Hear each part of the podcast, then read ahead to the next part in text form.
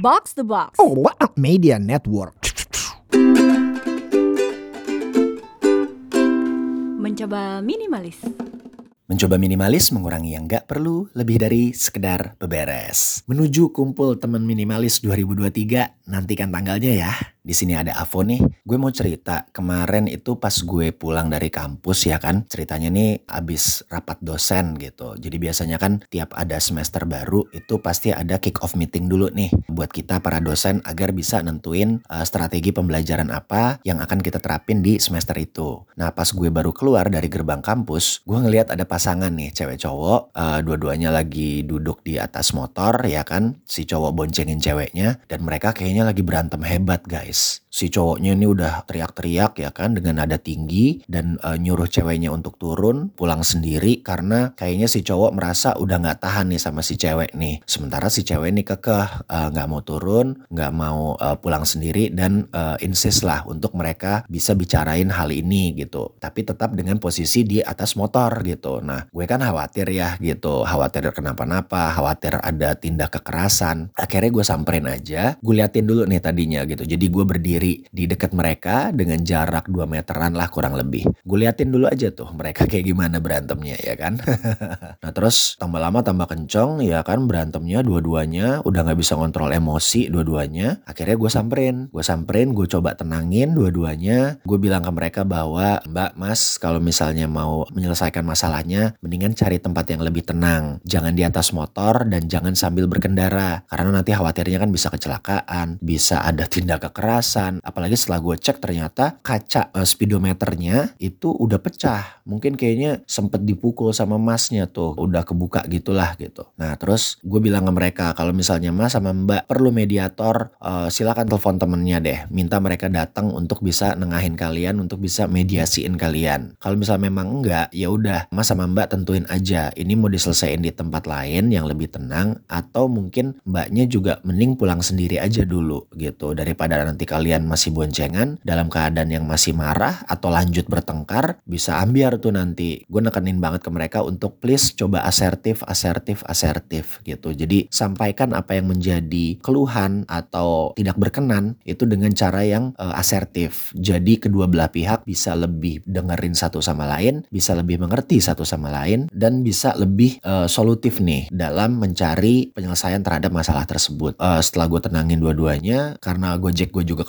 kebetulan udah datang ya gue nggak bisa lama-lama dong di situ. Akhirnya gue titip pesan sama satpam di pintu gerbang tersebut untuk pak uh, boleh minta tolong ya nih awasin nih dua orang ini nih jangan sampai ada tindak kekerasan atau ada hal-hal lain yang nggak bakal enak nih. Habis itu gue pulang. Nah sepanjang perjalanan gue pulang gue berpikir hal-hal kayak gini pasti banyak nih kejadian nih. Kebetulan aja gue lagi menyaksikan salah satunya gitu. Tapi dalam kesarian kayaknya banyak tuh konflik-konflik yang terjadi baik itu sama pasangan sama teman sama keluarga di mana ketika konflik tersebut atau friksi tersebut terjadi nggak pernah milih waktu dan tempat yang pas. Jadi kemungkinan besar itu pasti bisa kejadian baik itu di mall di toilet umum di supermarket sampai mungkin di teras rumah gitu. Di mana ketika uh, pertengkaran itu terjadi dari mulai tukang baso sampai tetangga bisa nonton tuh akhirnya tuh. Nah di episode ini gue akan share salah satu konten dari Maria G.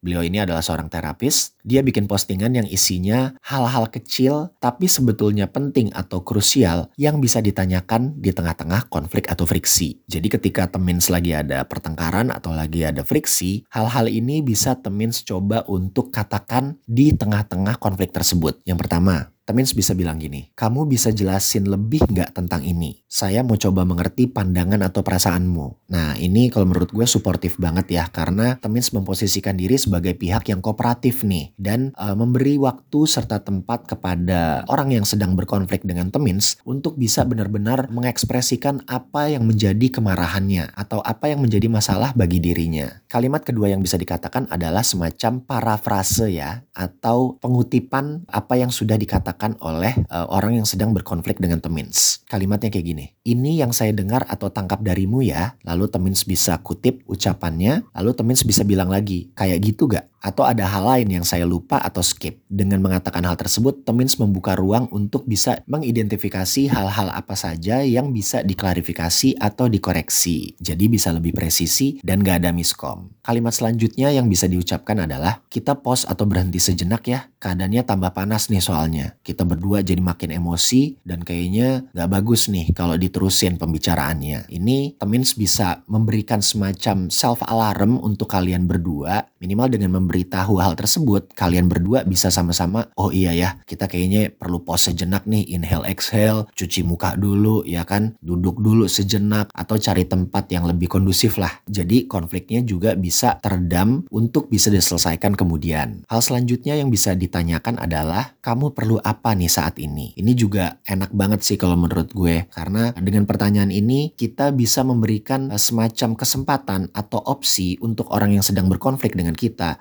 bisa nentuin apa yang dia perlu ini saat ini. Apakah dia perlu rebahan sejenak misalnya atau apakah dia perlu keluar dari ruangan untuk cari angin atau untuk sebat duls bahkan.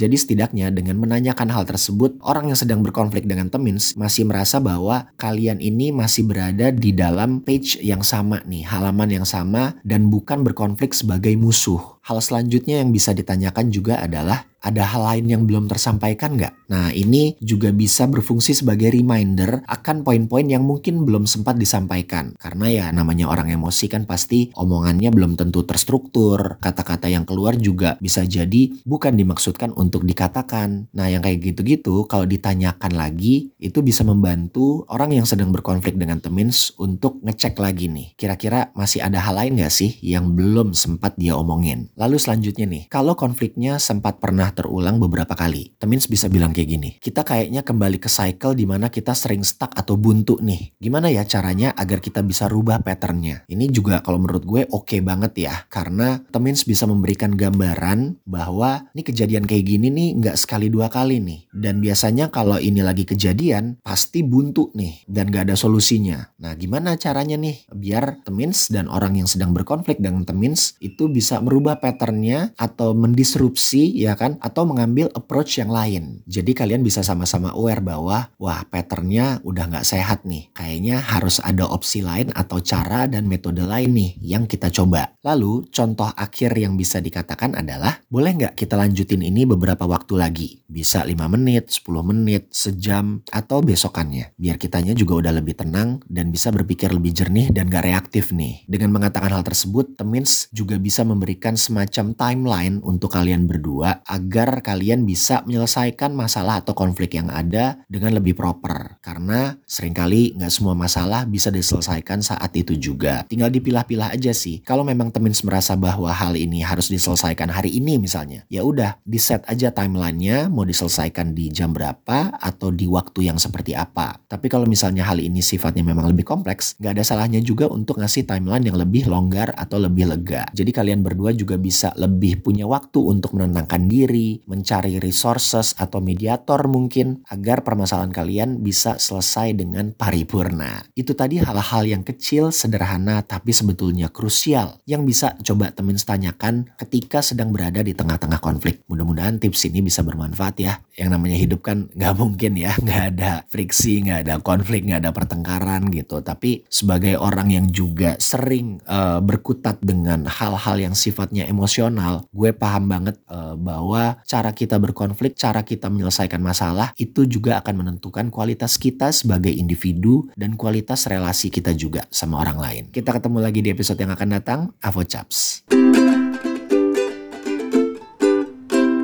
Mencoba minimalis.